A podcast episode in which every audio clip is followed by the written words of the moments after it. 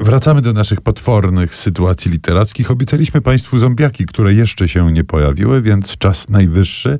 Tu, niespodzianka, książka naukowa. Tak jest, to jest zupełnie poważna praca naukowa Kseni Olkusz pod tytułem Narracje zombicentryczne. Ja muszę się teraz przyznać, że generalnie nie szaleję za historiami z zombiakami. Jakoś wydało mi się bardziej głupkowate niż przerażające. Natomiast książka, y, natomiast książka Kseni Olkusz rzeczywiście pozwala spojrzeć na ten ogromny nurt, ogromną masę literatury y, o zombich, zwanej przez nią zombicentryczną, y, przez bardzo interesującą perspektywę. Mianowicie pokazuje autorka że ta więź zombich z legendami haitańskimi, o czym się często wspomina, de facto dawno już nie istnieje. Dzisiaj zombie mają charakter e, jakby współczesnej mitologii, współczesnej legendy, pewnej masy e, ludzkiej, nieludzkiej, która skażona jakimś wirusem czy czymś tam tknięta, rzuca się e, i pożera swoje ofiary.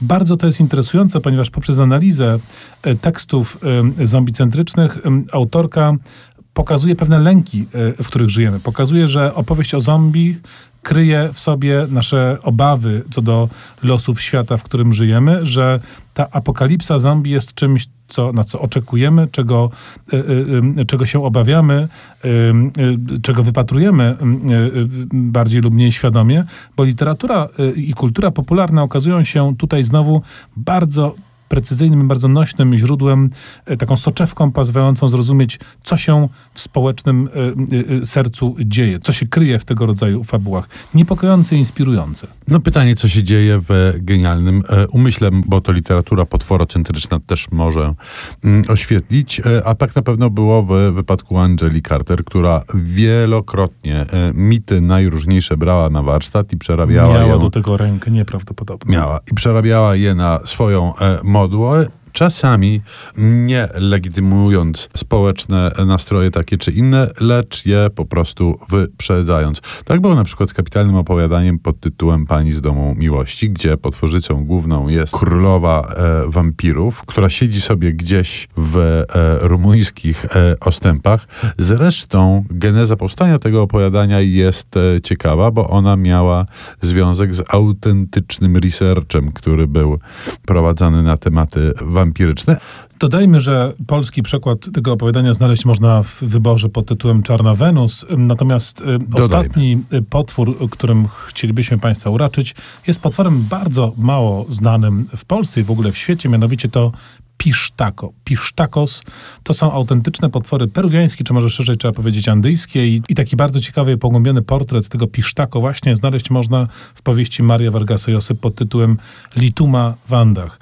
To jest, pewnie pamiętasz Szymon, taki tak jakby kryminał, to znaczy mamy y, y, Litumę, mamy jego towarzysza Tomasa, oni siedzą na posterunku w tych Andach i tylko czekają, aż przyjdzie y, partyzantka terrorystyczna świetlistego szlaku, żeby ich zgładzić. A tam? A tam y, dzieją się różne rzeczy, w tym grasuje, czy też krążą opowieści o grasującym Pisztako. Niesamowitość Pisztako jest, polega na tym, że to jest autentyczny wytwór wyobraźni i wierzeń ludności andyjskiej, potwór, który który symbolizuje różnego rodzaju lęki i traumy, jakie y, Indianie andyjscy zaznali ze strony białych. Pisztako wygląda jak biały mężczyzna z brodą, w habicie, w mundurze, w stroju współczesnego powiedzmy to Europejczyka czy mieszkańca y, wielkiego y, miasta, który niesie zagrożenie, który poluje na ludzi po to, żeby wytopić z nich tłuszcz i sprzedać go na przykład koncernom farmaceutycznym. Y, te, ten mit dzisiaj nabiera nowych odcieni, bo łączy się z różnego rodzaju legendami miejskimi i jest to niesamowita okazja, żeby zobaczyć z bliska rzeczywiste tworzenie się potwora, który naprawdę opowiada o rzeczywistych traumach i doświadczeniach pewnej grupy ludzi. A tak sympatycznie się nazywa, przynajmniej brzmi sympatycznie po polsku. Pisztako, no wiesz, to pochodzi od słowa oznaczającego podrzynanie gardła, więc chyba nie do końca jest to nazwa obiektywnie sympatyczna. Brrr. No dobrze, chyba nie ma wyjścia. Musimy skończyć z przytupem. Wojciech Kilar i jego fenomenalna muzyka do filmu Dracula. Oczywiście. W tym kontekście nazwisko Killer zawsze trochę brzmiało jak killer.